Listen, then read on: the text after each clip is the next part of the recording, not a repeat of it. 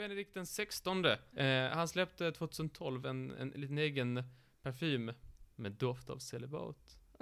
Heter den inte? Så himla bra sälja in till tonårspojkar. Han vill nu dofta celibat resten av livet.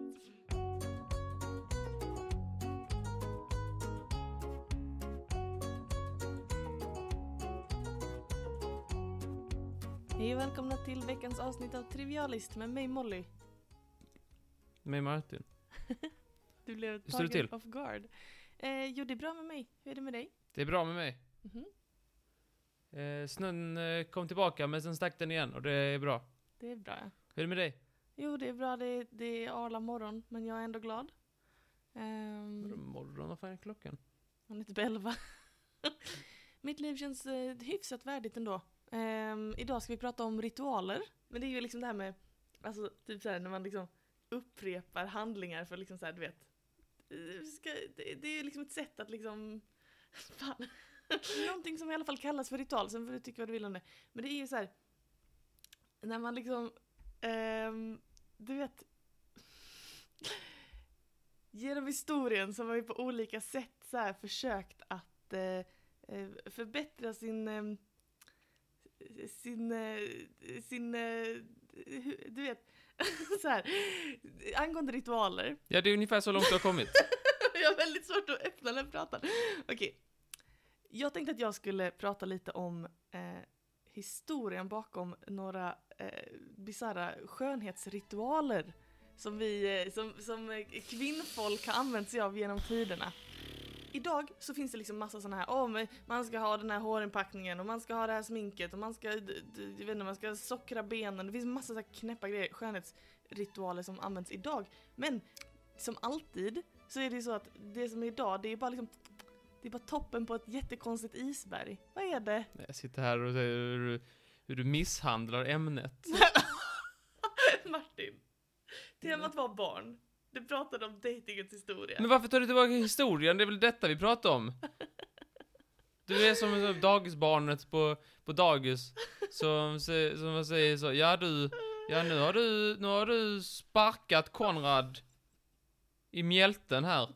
Och så säger de så här, ja men Konrad förra veckan la sand i eh, en dagmaskbo. Då säger du, jaha, men det är ju inte det som är, bara för, om, om man frågar Konrad varför gjorde du så, då borde Konrad, då, då kan inte han bara säga, ja, för att någon annan gjorde någonting annat dumt någon annan gång. Lass- Det är du som säger det, du är Konrad. Äckligt. Har jag lagt sand i ett dagmaskbo? Ja, framförallt så sparkar du någon i mjälten. ja, det är ju hemskt. Som sagt, idag så, eh, framförallt, jag kommer, jag kommer främst snacka om tjejer eftersom att liksom Jaha, skönhetsritualer och jaha, sånt. jaha, pratar bra om tjejer, jaha, ja, jaså. Ja, männen glöms bort i historien. Ja, det är så synd om er som slipper allt det här vedervärde jag ska berätta om nu. Ja, men det är liksom, de, flesta sådana här skönhetsidealen som är lite mer extrema kanske riktas åt tjejer och så är det ju eh, liksom mycket fortfarande. Men de här sakerna som jag ska berätta om nu, alltså vissa av dem är eh, för alla. Men överlag kommer det kanske vara lite mer tjejbetonat. Ehm, och jag tänkte jag ska ta det liksom i historisk, alltså i eh, en eh, tidsordning. Mm, mm. Så vi backar först till eh, antika Rom, din favorit, inte din favorit, men en, ett, ett ställe där vi varit förut i podden. Visst. Ehm, vet du någonting, någon skönhetsritual de höll på med där? Man badade. Ja, man badade, och framförallt så badade man i krokodildynga, Ja. visste du? Ehm, och det här var då ett, det, det används också som ansiktsmask. Och det var väl någonting med att det var så här exotiska djur, du vet, att det ska vara så här, typ som det där kaffet idag som man kan köpa som är att någon jävla katt har bajsat ut eller vad det är. Jag har inte druckit det. Nej, inte jag heller. Jag har sluppit. Det här var liksom som en spabehandling. Ungefär som att bada i Nilen, fast tusen gånger äckligare, kan man tänka sig. Men de slutade inte där, de äckliga romarna. De hade också eh, ett, ett stort intresse av att ha vita tänder i Rom.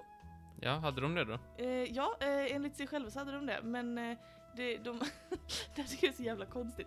Så romarna hade en teori om att, Kanske var en lätt match att vinna. vad menar du? Jag menar att alla hade skitiga tänder. Ja, jämfört med alla andra så ser de ju ut som en Colgate-reklam, det är sant. Visst? Men också så att romarna hade fått för sig att i Portugal, där finns det en skönhetshemlighet som ingen har hittat. Vi är först med detta, tänkte de. Portugallerna, vad säger man? Portugiserna, Mhm. de har magiskt urin, Jaha. tänkte de. Så de fick för sig att eh, portugisiskt urin, det skulle bara vara från en portugis, kan inte vara från någon annan. Och om man använder det som munskölj så får man vita tänder. Jätteäckligt. Det låter äckligt. Ja, visst är det. Men hur gammalt är Portugal? vet inte. Det står bara Portuguese urine mouthwash. Jag vet inte hur gammal Portugal är. Det känns inte som det landet fanns samtidigt. Det var så här, det var Rom och så var det Portugal. Det var de två länderna som fanns. Då stormakten i Europa faktiskt på den tiden. Nej men det kanske var den regionen då som senare blev Portugal. Men Ja, det skulle Porto. vara Porto. Det skulle vara var just... romarna som grundade den. Porto Calle Ja men då var det säkert det. Det var så här, de där urintandpersonerna. i Porto. Vi sätter dem i Porto. Vi skickar hit det. Gratis Porto. Du är glad. Ja, urin har ju varit eh, bra för tänderna genom historien, inte bara under romarriket. Det har man ju, det har man ju, det har man ju, det har man ju gurglat. Vem fan kom på det undrar jag? Vem var det som först upptäckte det? Jag Att- vet inte. För det finns ju ammoniak i urin och ammoniak är ju faktiskt Alltså det kan ju användas för tandblekning. Men, och, så, att, så, men, men hur, hur kom man på det? Det är den frågan jag tycker man ska ställa sig. De var smarta. De var lite perversa kanske. Men vi rör oss raskt till Kina. Vet du någon kinesisk eh, skönhetsritual som är, som du, som du kan, eh, top of mind? Någonting från historien? Det är väl fötterna. Ja, Det är fötterna. Vad vet du om fötterna? Man lindar fötterna väldigt hårt för de ska vara väldigt små fötter. Ja. De ska inte växa. Precis, lotusfötter kallas det. Och det tänker jag inte beskriva i närmare detalj. Det ser riktigt rejält ut. Men det var liksom en skönhets... Är det praktiskt? Med Nej, små det- fötter? Det är väldigt opraktiskt. För att de tar ju bort Hitta hela, inga skor. Men de tar ju bort liksom hela tåfunktionen. Så att det blir bara som att ha en liten klöv typ. Så att man pinnar fram som att man liksom inte har en fungerande fot. Det är jättejobbigt. Och eh, poängen med det var ju precis som du säger, det var ju att ha jättesmå fötter. För att det skulle vara liksom en symbol för att säga kolla på mig, mina fötter är helt obrukbara. Det betyder att mina föräldrar inte behövde hjälp på gården typ. Mm. Typ mm. ett sätt att visa att familjen hade varit rik, så pass rik att man kunde liksom gå omkring med klövar istället för människofötter. Ja, men det är ändå praktiskt att ha. Och, Fötter, men alltså användbara fötter. ja, as far as kroppsdelar goes så är fötter ganska praktiska. Ja, mina föräldrar behöver ingen hjälp på gården och eh, jag kan inte gå rakt. Gift dig med mig. Det kan vi inte ha. Det är hemskt. Eh, det här var under Tang-dynastin då, jag vet inte riktigt exakt när det var. Men det var väl kanske 600-700-talet, någonting sånt. Ehm, och det var, ja, det var ju en ganska obehaglig liksom, skönhetsritual kan man tänka. Det är inte så kul. Och så behövde de liksom linda fötterna under liksom flera år och sånt. Det måste ha gjort jätteont. Jobbigt. Tur man slipper det idag. Mm. Här kan jag gå omkring mina Fast inga 48. skor passar mina jävla eh, stekpannefötter. Har du breda fötter eller? Ja, Har rimligt. det? Jag vet inte. Jag hade tänkt på dina fötter, förutom idag när du inte Du låter bli att tänka på mina fötter. Ja, med nöje. Jaså? Vad fan är det för mina fötter? Men jag bara att... Okej, skitsamma. Du är på så här rowdy humör idag tycker Du jag. kan väl eh, ha en normal relation till mina fötter? Jag- du behöver inte bara spotta normal- på dem när du ser dem. Jag har en helt normal relation till dina fötter. Jag har aldrig tänkt så mycket på dem. Nu tänker jag ju på dem för att vi pratar så mycket om dem. Sluta prata om mina fötter. Du behöver inte blanda in mina fötter i Det detta. var du som tog upp dina fötter. Okej. Mm, men i alla fall. Så hittills ganska sådär, eh, ganska sådär eh, märkliga sätt helt enkelt att framhäva skönhet. Sen så kommer det kommer ju, om vi rör oss tillbaka till Europa, så kan vi prata om upplysningen. Du vet där, man skulle vara så blek som möjligt. Och de, Puder. Precis, puder med, kommer du ihåg vad man har i? Bly i sitt puder. Och bly, det är ju inte så bra för hälsan. Nej, inte för Moder Jords hälsa, jag vet. Nej, Kommer ut i vattnet blir skitdåligt. Precis, men och att man, många fick blyförgiftning och dog av det här pudret liksom. Så tvättar man inte sig utan man gjorde bara ett nytt lager puder hela tiden. Precis, det var liksom hygien, hygiengrejen, att man skulle pudra sig gång på gång liksom sådär.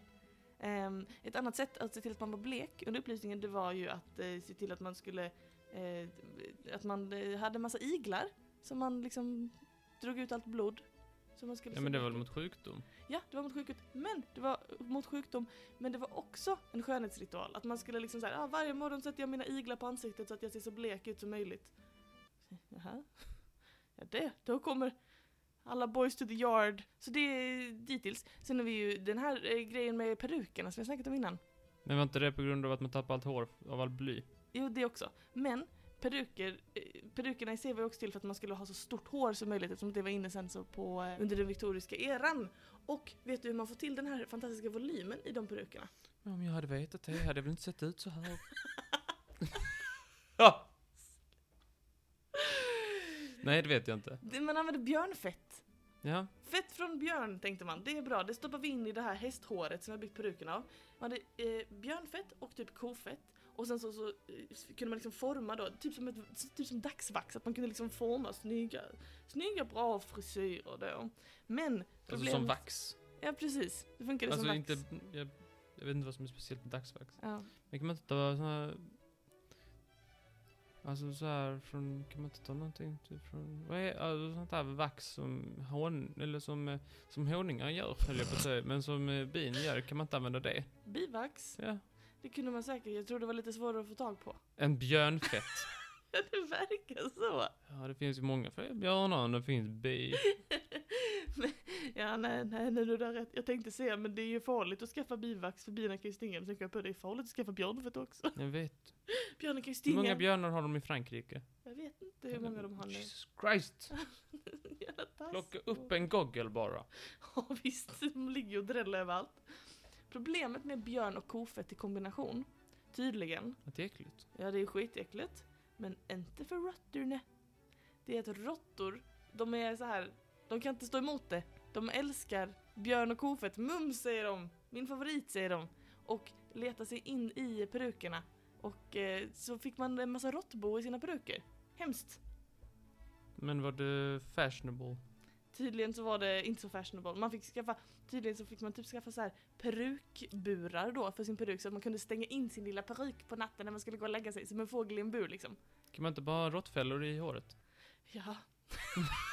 det kan man ju. Men då går du upp och ska rätta till en slinga och så förlorar du en tass. Det kan vi inte ha. Nej. Råttgift i håret då? Ja. Ja. Man hade ju typ redan det hela ansiktet ändå. jag menar, Jag lika gärna ha det i håret. Ehm, yes. På 1800-talet så kom det en, en, en ny liten trend som du har pratat med om tidigare.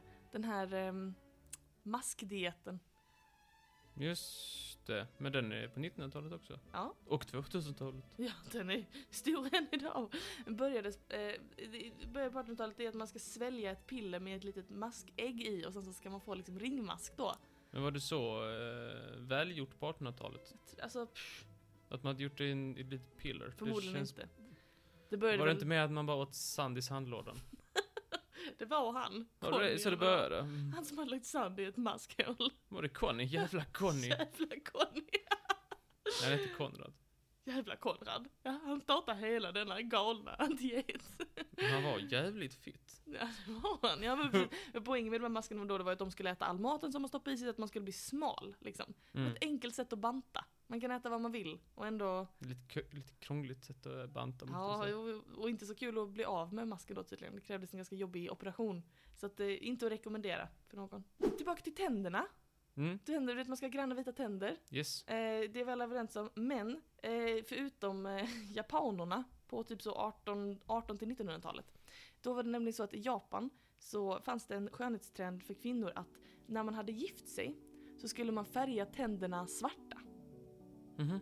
Så att varje, var, var tredje dag ungefär så behövde man upprepa en, en ritual som var med, det var med massa grejer, det var en konstig eh, kåda från något träd och typ så här eh, granatäpplefrön och någonting som skulle så här, tillsammans färga tänderna svarta och då var det liksom att ju mörkare tänder desto vackrare var kvinnan. Jaha. Kan du föreställa dig? Nej, jag kan inte för, föreställa mig att, att kvinnan blir vackrare desto svartare tänder hon har. Det kan jag inte. Jag tycker det låter skitläskigt. Tänk att du ser någon liksom, kvinna på stan och man bara, typ så här, hon, hon tittar på henne och så börjar hon le och så bara, huh? Helt så svart i gommen. Ja. Hemskt. Mm. Men i alla fall, tiden rör sig framåt och på 1930-talet så finns det ju liksom, man har övergett kanske det här med typ så krokodilbajsbad och liksom hela den biten. Men man har börjat jobba lite mer med maskiner. Vi har till exempel en sån här dimple machine, du vet sån här smilgrop. Mhm. Att man, vissa människor har smilgropar i kinderna så här. Och det är tydligen väldigt inne ett litet tag där på 30-talet. Så det är en tjej som heter Isabelle Gilbert som uppfinner en, en smilgropsmaskin som är som en liten, en liten grej man ska liksom ha på nätterna typ så här, stoppa i kinderna så att man ska vakna och ha smilgropar. Låter det trevligt tycker du? Låter minst otrevligt hittills. Men det var det inte, för att det gjorde tydligen jätteont och orsakade skada. Ja. Inte Mm. så praktiskt. Mycket bättre att färga tänderna svarta och björnfett i håret allt möjligt. Men eh, tyvärr så var det också så att den här lilla smilgrops eh, liksom, eh, trenden, den varade bara några år. Och sen så dessutom så var ju den här eh, maskinen då hemsk att, ha på sig. Så att det, var, det var inte en succé. Det var inte en succé, det kan man inte säga. Om man slutar med maskinen blir man av med smilgroparna då? Jag tror det. Jag tolkade det Ja, så. men det var ju bra i alla fall, icke permanent. Det är icke permanent. Det var, om man ska ut och svänga på de blurriga på kvällen då kan man få på sig lite smilgropar i alla fall. Så det är i alla fall någonting. Mm. Sen så har liksom skönhetsritualerna, skönhetstrenderna, de har rört sig framåt i tiden. Och idag så har vi ju helt andra ideal än vad vi hade då. Man ska inte vara blek, eh, man ska kanske vara mer solbränd. Eh, jag vet inte om eh, det är folk som får hålla på med ringmask, men det kan jag inte rekommendera. I Kina så har det typ kommit en, eh, det, det senaste året, en ny skönhetsritual som jag tyckte var lite intressant som kallas för så här, eldbehandling. Och det är det typ att man ska ta en trasa och doppa den i alkohol och sen tända eld på den och sen liksom fläktar man den över kroppen för att typ, jag vet inte, få huden att lysa eller någonting. Sådana intressanta saker som man kan hålla på med. Så det är fortfarande helt olika vad man gör. Med huden. Ja, en liten kort genomgång bara av vad man har gjort för skönhet. Ja, tack så mycket, tack. Varsågod Martin.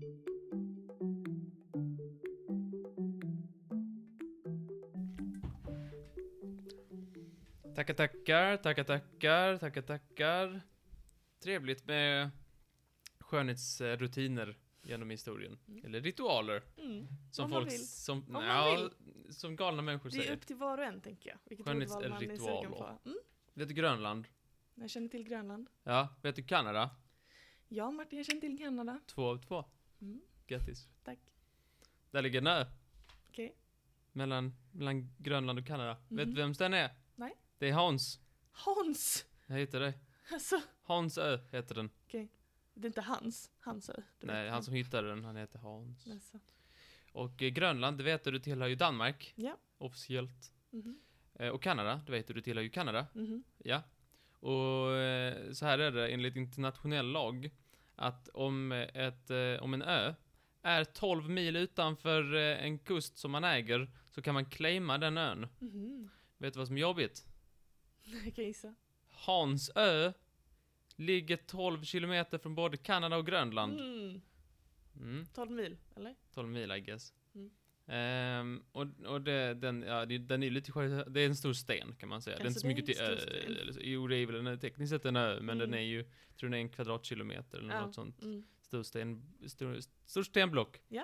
Eh, den är inte mycket att ha, det går inte att odla där eller någonting. Det är bara sten. Så detta är, detta är då en liten stenbumling som Kanada och Danmark har claimat. Yes. Och detta har blivit en konflikt. Åh nej, inte en konflikt. Jo visst. Vad, vad tufft, det är inte lätt när två länder ska träta. Det brukar ju bli jobbigt. Sedan början på 1900-talet så har detta varit en, en, en het potatis. Vem, vem äger stenen? Och, eh, det finns faktiskt en, eh, en dom som har kommit från det sån här permanent eh, justice eh, League, bla bla bla. Någonting, någonting, någonting, någonting. Det, det som tidigare hette NF. Ja. Men vad, vet vad som var jobbigt med den här permanenta bla bla bla bla bla? Nej. Det var att den inte var permanent. Den hette, det hette permanent någonting, någonting, någonting. Ja. Men den var inte permanent. Jättetråkigt. De la ju ner 46. Men de, eh, de rulade i alla fall att det här tillhörde Danmark. Mhm. Men eftersom de inte finns längre så säger Kanada, "Huh, fuck it. No, fuck it. De är fast de är lite på sitt ar- artiga sätt, de är rätt artiga. Oh, fuck it. Eh, och den här lilla stenbumlingen som, som, eh, den har, som båda har claimat, den är då eh, huvudpersonen i, en, i den här lilla konflikten. Som har kallats för världens mest civiliserade konflikt. Åh, oh, vad trevligt. det kan jag tänka mig. Kanadensare för att vara extremt artiga. Men nej, hur är det där med danskar? Jag vet inte. Men Drake är väl från Kanada? Är det inte det? Och han, det är han är inte så artig väl? konstigt exempel. Justin Bieber också? Jo, jo, jo, jo, men de är inte representativa kanske. Nej, nej, nej. Men, jag måste bara fråga. Ja. Du sa att den här ön, den är bara en, en klippa i princip. Den, bara är en stenbubbla. sten. Mm, det finns ingenting man kan, det finns inte någon liksom, Kanske finns mossa på den. ja men är det viktig mossa? Är det... Nej, det tror jag inte. Jag tror det är vanlig mossa. För då tänker jag, eh, vad, vad spelar det för stor roll, vems det är? Nej, Principsak ser du. Mhm, mhm. Okej. Nej men det kanske har typ pyttelite betydelse i och med att typ så här isarna smälter och sådär. Men den är verkligen pytteliten och sten. Okej, okej, så det är Mm. bara en principsak verkligen? Ja, Den är väldigt, väldigt liten betydelse. Mhm. Detta har blivit världens mest civiliserade krig. Eh, också kallat whiskykriget. Så nu har du min uppmärksamhet. Ja, visst, whiskykriget. Man slåss inte med whisky. Det hade varit problematiskt. Eller som det kallas. Hemma hos dig. Mm. Vanlig dag. Du tror att jag springer hemma med en vattenpistol fylld med whisky? ja. Du har fel i sak. Vet ju du gillar den söta drycken. Det är inte söt mat. Vad fan ska jag veta? Nej, ska du veta det pojk? Jo, för den här lilla konflikten har sedan eh, kalla krigets dagar, alltså 1900-talet då, Mm. inneburit en viss ritual. Mhm. Sedan, eh, sedan mitten på 1900-talet ungefär så kan man säga att man, man, eh, man, man har besökt, eh, besökt, eh, vardera sida har besökt den här lilla stenbumlingen vid olika tillfällen. Mhm. Eh, och eh, det är väldigt civiliserat som sagt. Det, det, varje gång man ska besöka sin egen ö då, som man claimar, Ja. så, eh, så ser man till att eh, förvarna den andra personen. Slå en liten signal och säga att ja, det är datumet, då tänker vi besöka vår stenbumling. Alltså, så du vet. Och så kommer de dit, eh, och sådär då. Och eh, sedan 1984 Mhm. så eh, tar Danmark, som var först i detta, och reser sin lilla flagg. Mhm, mhm, Så det är som den danska flaggan. mhm, mhm. Och så lämnar de en flaska snaps. Alltså, snaps! Och så en liten skylt lämnar de där det står Välkommen till Danmark. Det är väldigt salt. Ja, visst. Och sedan, eh, eh, sedan då också slutet på, på 80-talet så har, så när Kanada kommer dit så tar de ner Danmarks flagga, sätter Mm. upp den kanadensiska flaggan, Mm. lämnar eh, en flaska kanadensisk whisky Mm. och en skylt där det står Välkommen till Kanada. Det är världens mest civiliserade konflikt. Det är mer civiliserat än de flesta av våra konflikter. ja men det är ju salt. Det är jättesalt, men det är väldigt skoj. Sin lilla stenbumling där, så varje gång man är där så ser man till att lämna Ja. ett inhemskt eh, alkoholdryck och en liten skylt där det står välkommen till det, till det landet som var där liksom. Nu ser jag två alternativ i den Mm. historien. Antingen så är det så att hela ön är belamrad med jättemånga whisky och, eh, och eh, snapsflaskor. Mm. Eller så är det så att det står bara en flaska där at any given time. Och då undrar jag vad som kan ha hänt med de andra flaskorna. Vad Jag tror de tar med den. Jag tror de tar med den, någon som Så var där. när kanadensarna kommer och sätter sin whisky, då Mm. tar de snapsen. Jag tror det. Det är jävla stil. Nej men det, den är ju till dem. Det är en liten den. eh, guest offering liksom. Tack för att du Precis. kom och besökte mig. Välkommen till Danmark. Ja. Ta vår eh, danska snaps. Känn dig som hemma, fast inte riktigt som hemma, men nästan som hemma. Ja. Eh, nej, så detta, men detta, det, det är ändå en konflikt sådär. Man är så här, ja. ja vi, vi skojar med varandra nu, men, men i framtiden Men så, visat sig att finns olja under just den här lilla klippan, då jävlar. jävlar, skickar vi vikingarna. Visst. Ehm, nej, så det här, eh, det här är hett ämne. Mm. Eh, man är faktiskt i samtal om att eh, försöka fixa detta. Jaså? Man har gjort framsteg Man på har det. diplomatiskt håll. Mm. 2005 så skedde det, Jaså? det magiska. Danmark skickade en, eh, en liten båt Mm. eh, för att återställa liksom sin egen flagga. Mm. Men de rör inte den kanadensiska. En, en, en hand har sträckts ut. Åh, en union! De tar upp sin egen flagga, men de låter kanadensiska vara kvar. Mhm. Ehm, och sedan 2008 så har man eh, bestämt att man ska försöka eh, eh, samregera på den här lilla ön. Alltså, men hur ska det gå Och det till? gjordes 2008 då fint med att man hade en gemensam liten väderstation där. Vad Men det är ju fortfarande högsta eh, internationell diplomati på det Ja, här. det Det, förstår och, jag, ja. Ehm, och det är väldigt, eh, väldigt skakigt. Ja, det kan jag verkligen förstå. Men alltså jag skämtade innan men jag menar verkligen allvar. Alltså grejen är att det här är ju jättefint och så. Men tänk om de hittar olja eller typ någon annan naturresurs precis där. Vad fan händer då? Ja, nej, men de har sagt så här att det här kanske är ett problem som är för framtiden, men till, från och med, eller liksom så här, just nu så är det med lite med glimten i ögat Ah, man krigar. Okej. Men, eh, men eh, Det är, lite, det är någonting så här när isarna smälter, att det, den lilla klippblocket kanske får strategisk betydelse. Mm. Men just nu är det mer att man, eh, att man lite så här, eh, lite, lite salt säger att, nej men det här är ju vår, ja, dumma. det var lite ostätare. paxat den liksom. Ja, okej, men jag förstår. Ja, så det är en liten ritual man har där. Det är väldigt spännande. Det är mycket bra. Tack så mycket. Tack för att du berättade. Tack, tack, tack.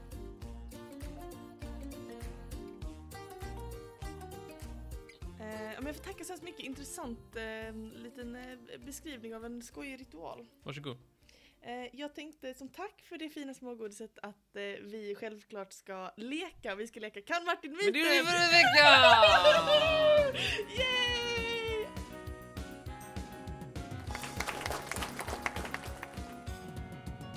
Allas favorit! Min ja, också. på, på tema ritualer, alltså i målets fall, allt som finns.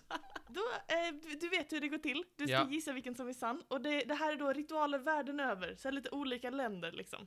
Mm, mm. Är det antingen så här, att i Honduras så måste man gå tre varv runt världens trädgård om man dyker upp för tidigt. Mhm, mhm. Är du med? Om det är sant så känns det lite som att eh, någonting som är kanske var för 150 år sedan. Alltså, nämn inte det, du vet vad det du vet. Just. Eller är det så att i Tyskland så eh, har gästerna sönder det gifta parets porslin direkt efter bröllopet, så att det gifta paret ska städa upp det. Vilken är sann?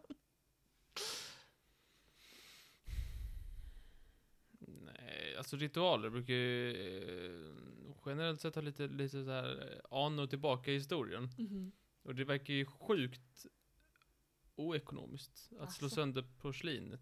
Porslin är ju någonting som eh, ofta, eller historiskt sett, har fått eh, komma hela vägen från, från Asien Mhm, mhm, innan vi lärde oss hur man gjorde. mm. Så det känns ju lite konstigt att man skulle slå sönder det, för det är Mm. ju bo- talat en miljard säkert. Mm, mm, mm. i dåtidens eh, slantar. Då känns ju det så bättre att gå tre varv runt världens hus. Men då kommer man ännu mer Jag måste poängtera att- sen. Jag måste bara säga att när jag säger porslin då menar jag alltså typ tallrikar, glas och sånt. Det måste inte vara gjort av porslin, det kan vara gjort av keramik och sånt också, bara så att du vet det.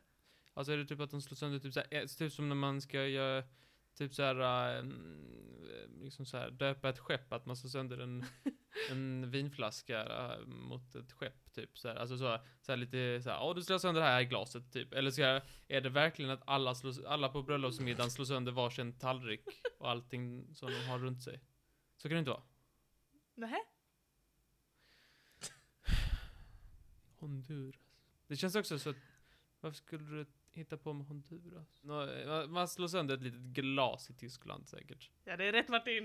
Mycket bra jobbat, mycket bra. Men det är inte ett litet glas. Det är som du sa, det är hela köket. De går in och bara pucklar på. Går över med knytnävarna i köket tills det bara är ett fint pulver kvar. Och det är då till för att... Samma människor som startade andra världskriget faktiskt.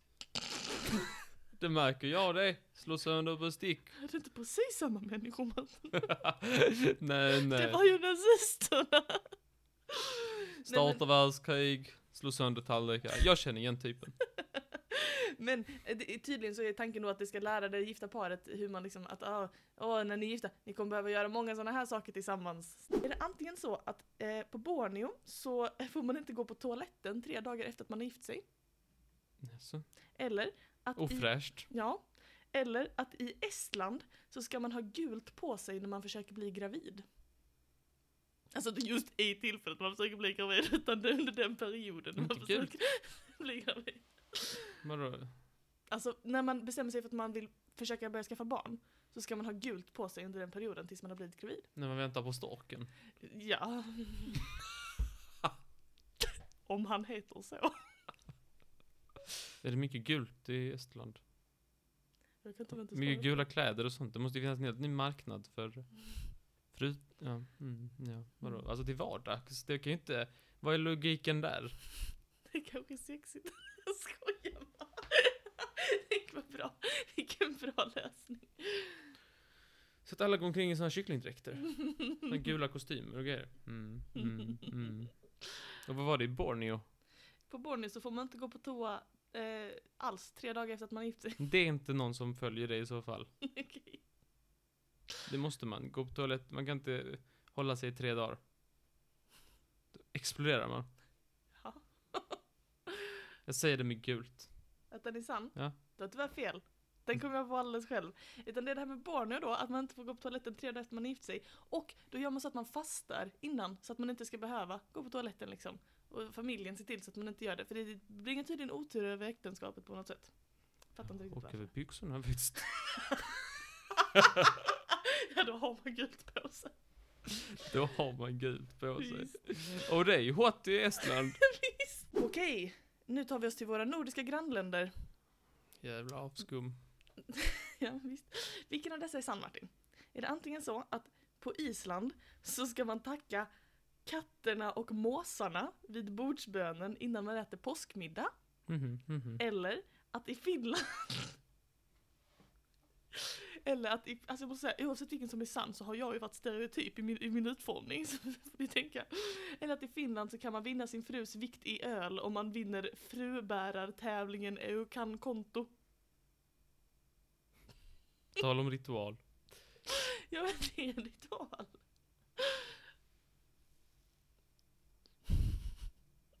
Eller ska man Är tacka det öl som är huvuddrickan i Finland? Eller är det priter?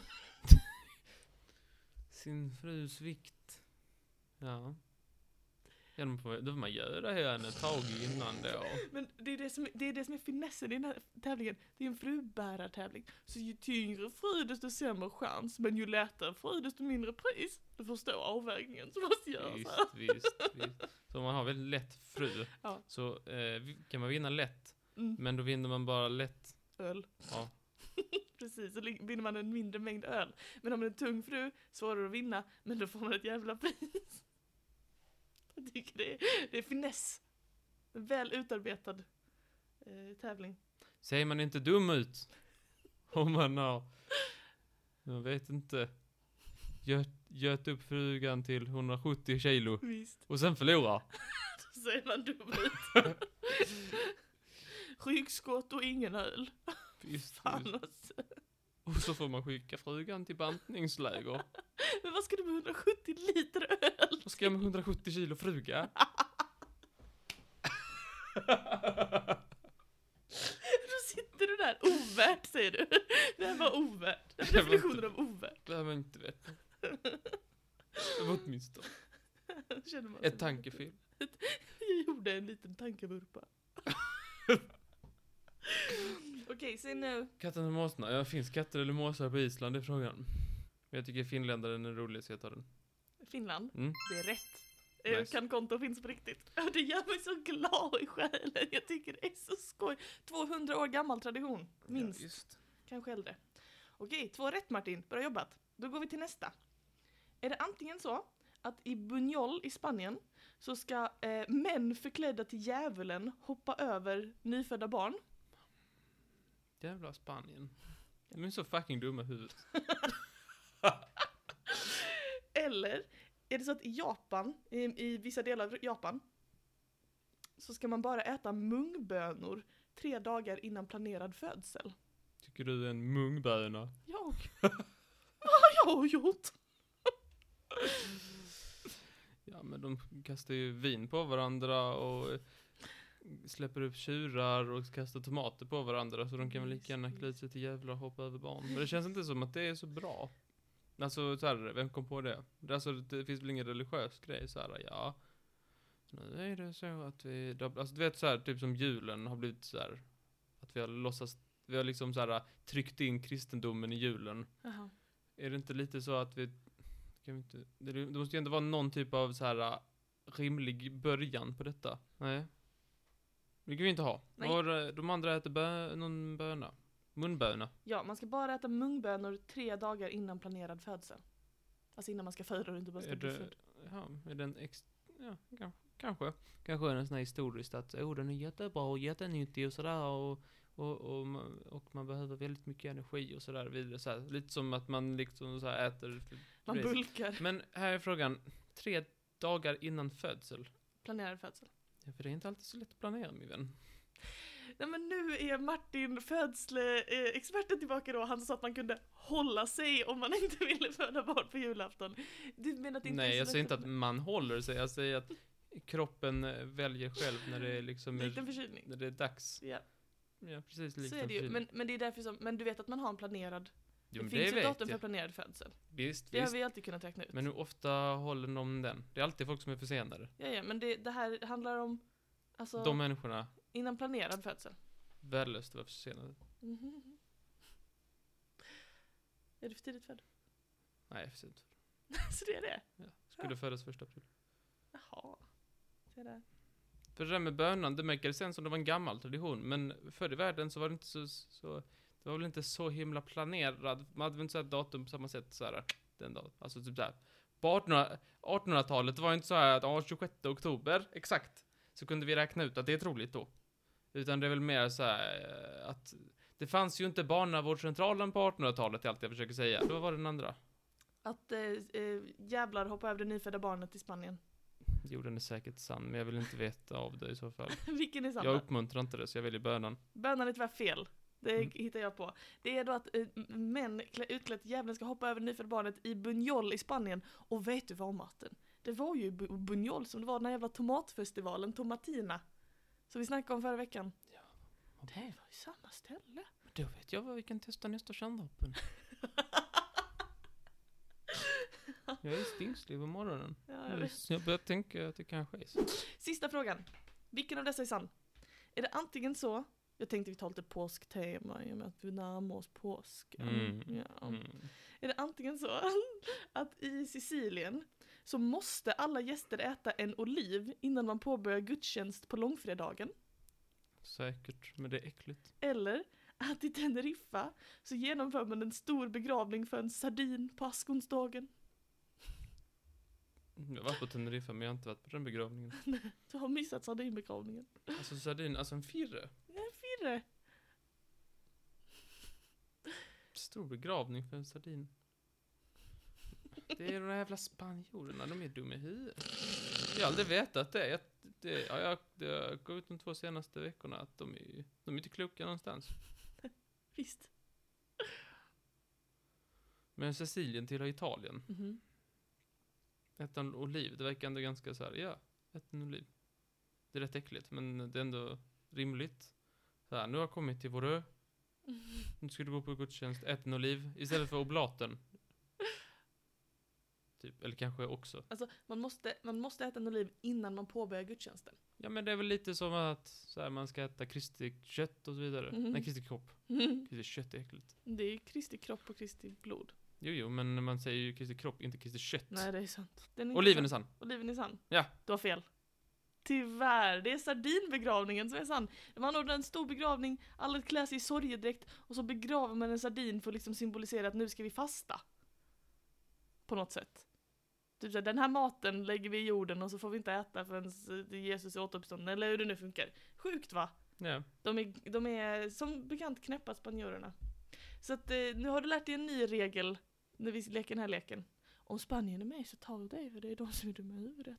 Ta med det, jag tänker Mm. att det kunde vara så. Visst, så är det. Så det var, det var kanske, bra jobbat, väl spelat Martin, väl spelat. Tyvärr inte, inte vinst den här gången. Det Men, bryr eh, mig inte. Du kom nära, du kom väldigt nära. Så tack för att du spelade.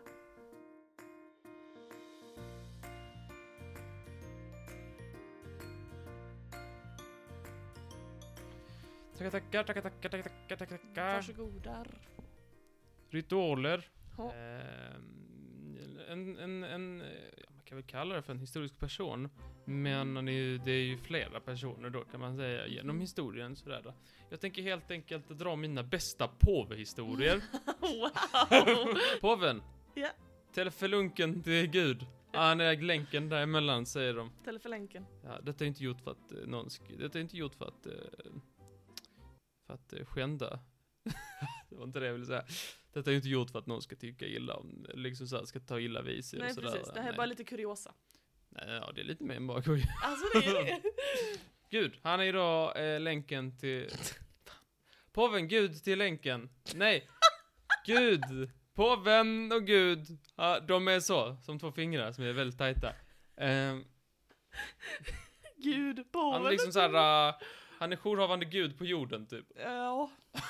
Men om det är riktigt så katolikerna säger, men visst. Jo, jo, så är det. Mhm. Och han väljs då de andra, liksom såhär massa kardinaler och sådär, Mm. vid, sådär så, så, vi, så röstar de sådär och så går vissa vidare och vissa går till andra chansen så får de dubbla och så går de vidare och sen så, så väljs en så, Mm. en ofta 80-årig plusgubbe. Mm.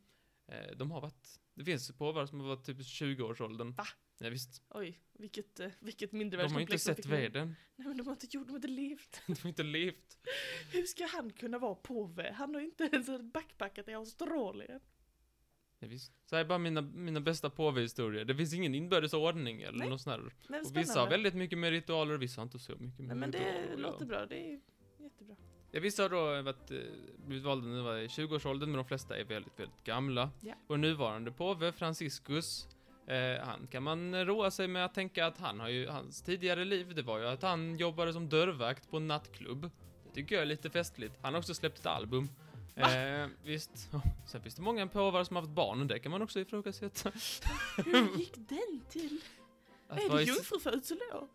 Just det, det är inte så, det är skillat Ja. att vara i celibat och få barn. Då har man Det väl var till och med någon, något barn som hade tagit över någon annan påve. Är inte det någonting som man borde säga, ja, nu ställer vi oss här till detta. Det är väldigt eh, specifikt. Mannen som inte får ha, eh, ha något umgänge, hans barn tar över som nästa påve. Nej. Dra på trissor, sa de. Visst. Ehm, ja. Eh, påve John, den, eh, den sjunde för övrigt, Mm. Eh, han är en av de sämsta påvarna på tal om att få barn. Han hade ju då en älskarinna, men det hade många. Eh, han hade också mördat en antal, men det var inte, det är också en annan grej.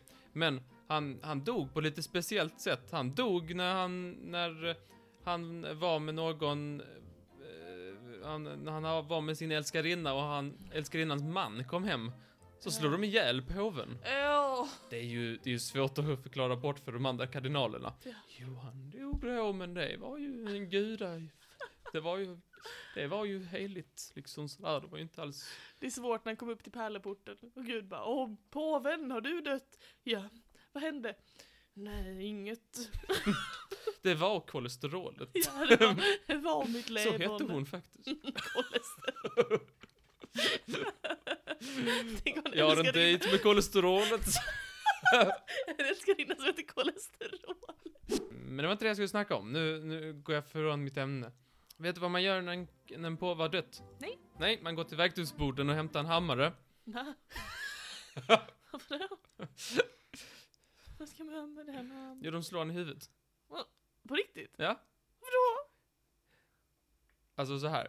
När en, en, eh, en påve har dött så tar eh, kammarherren, också kallad eh, kammarlängon, ja, eh, enligt, eh, enligt eh, tradition sen gamla anor så tar han fram sin silverhammare, Mhm. eller den, den eh, påveham, Påvehammaren. silverhammaren som, som man har haft sedan länge, och slår påven tre gånger i huvudet, bang, bang, bang, och säger hans namn. Jaha. Får se om han är vaken. Se om han är död snart. Ja, jo, jo, visst, visst. Och har han inte sagt eh, någonting så är han död och då är han dödsförklarad. Så sjukt. Visst, Men alltså slår de så hårt att något går i kras? Eller är det bara liksom... inte första gången då ändå. Nej, den tredje Tredje gången så tar man i. då smäller det. Visst. ja, han var inte död innan så jag hade baske mig nu. Om man ska ge påven en present, vad tycker du man kan ge då? En fin tavla på Jesus. Nej, jag vet inte. Det har han säkert inte. Inte han har någon sån. Har du en sån? Jag, jag, jag tänkte du, sån har han säkert inte. Helt i din stil. Visst, visst, visst. Nej, jag vet inte. Vad, vad Nej, Lyndon B Johnson, mm. han gjorde ett gott försök. När han träffade eh, påven 1967 så skulle de ut, eh, ge lite gåvor så till varandra. Det var i, i, i anslutning till julen. Mm. Påven gav en fantastisk målning från 1400-talet som eh, med något påvemotiv. Jag vet inte, någonting han gillar. Ehm, och eh, presidenten Johnson, han gav en brons, bronsbyst eh, av sig själv. Det är fräckt. Tycker jag. jag tycker inte det är en bra present. Jag tycker det är väldigt fräckt. Det är lite som att ge ett fotografi fast man anstränger sig lite mer. Men det, på sig själv så här, en bild på mig. nej men en bronsbyst man, det en jävla statement. Ja, här har vi då en skulptur av moi. Det är bara att sätta vad du vill. Och påven kommer med en 600 år gammal eh, tavla Fan med påvemotiv. Gud vad stelt. Vet du vad jag hade gjort om jag var han? Så hade jag fått, du vet som på julafton när man ska ge, ge ett par presenter så får man den så mycket bättre än den man ska ge bort liksom. Ja. Så, så om jag hade varit Lyndon B Johnson så hade jag bara Åh fuck den här var ju jättemycket bättre. Ja och min, det här är en bronsbyst på, på dig. En väldigt dålig skulptör. Eh, påvar. Eh, du, kanske, du kanske undrar att, eh, hur de luktar? Mm, nej jag har inte aktivt men Du, nu du undrar hur de luktar? Ja, nu är jag nyfiken. Ja. Eh, du vet, det är många som vill lukta som kändisar. Alltså typ såhär, Madonna har liksom en, släppt en egen doft och Mm. Zlatan har släppt en egen liten doft. Och eh, Benedikt, Benedikt den 16 han har också släppt en doft. Han har det? Ja visst, en liten parfym. Jaså? Vill jag ha sagt att det var. Det är bra. Tydlig. Eh, han släppte 2012 en, en liten egen parfym med doft av celibat. Heter den inte? Så himla bra. Sälja in till tonårspojkar. Ja, vill du dofta celibat resten av livet? Mm. Ja, det var någonting om att den skulle lukta lite djur och natur som han tyckte, han var tydligen, han gillar djur och natur. Och det kan han få lukta.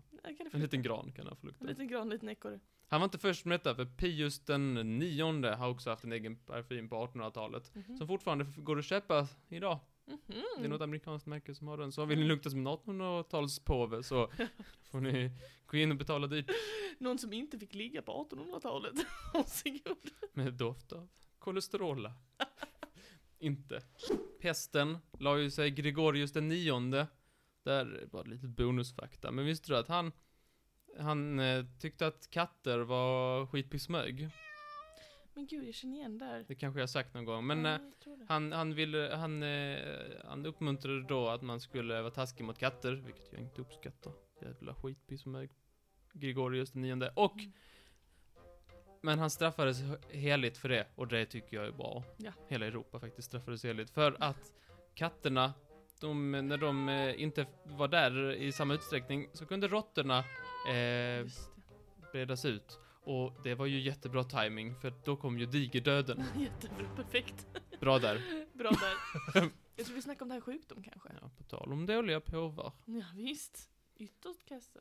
Eh, en annan grej som vi har gått igenom, men som jag tycker man kan, man kan alltid, man kan alltid tänka på det. Det är att på 1800, eh, är ju att på eh, 800-talet så var det ju lite så här. eh, Det var det ju en, eh, det var det ju en, en påve, Stefan den sjätte, Mhm. Som, eh, han var lite paranoid, är han beskriven som. Och eh, detta fick då honom att gräva upp Formosos. Mhm. Formosos, tror jag han. Vem var Formosos? Det var den tidigare påven. Ah, perfekt. Och tänkte att eh, nu så ska han, nu ska han få sota för det han har sagt. Ja. Eller gjort och sådär. Och han tyckte, han var ju knäpp i huvudet den här påven. Så att, så att han grävde upp den här påven, inte han själv, utan han, hade, han lät någon annan göra det. Mm. Så satte man det här liket, påveliket, inför rättegång. Eh, den här lilla, eh, de- den döda påven fick ju då ett juridiskt ombud. Och man Mm. klädde på honom väldigt fint och sådär, med alla hans bästa kläder och Mm. sådär. Och så fick det sitta en liten människa bakom påven då och eh, säga, prata i hans ställe då. Mhm. Jag ångrar ingenting! Sådär, eh, sa han nu. Okej. Ehm, och Stefan, han vann ju då rättegången och, och Vann det. eh, och eh, mm, eh, straffet blev då att man skulle ta, krossa tre fingrar på den döde påven och kasta han i Tibern. Ja, det, Det är så himla konstigt, alltså det är verkligen... För där vet, folk tvättar sina kläder så kommer en påve. Så kom behöver med krossade fingrar. Det är så konstigt, jag vet att jag pratat om det innan, men det är verkligen ett sånt där historiskt fakta som man bara så här baxnar när man tänker på. Ja, den här döda människan, vi ska straffa honom genom att krossa hans fingrar. Åh nej. Aj.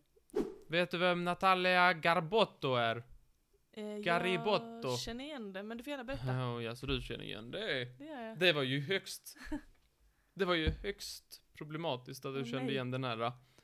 För det är en eh, Instagram-tjej Just ja. som klär sig eh, sparsamt.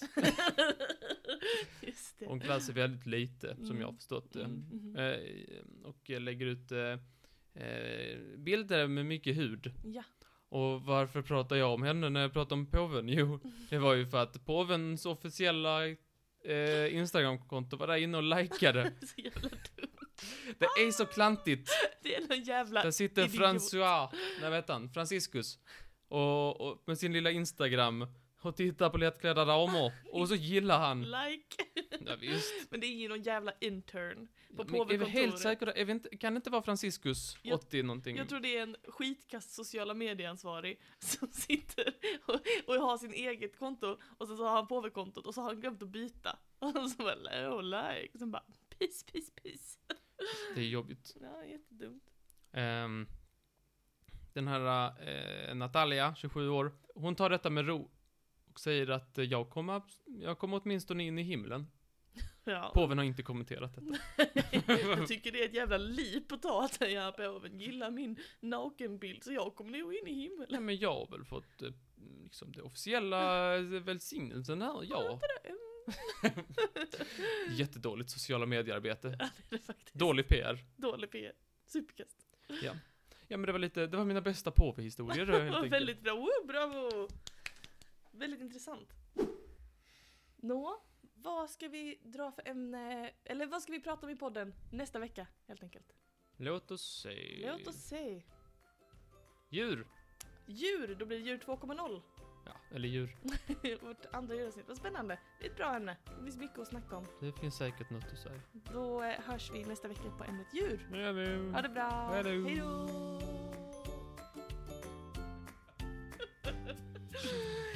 Antingen så här Martan?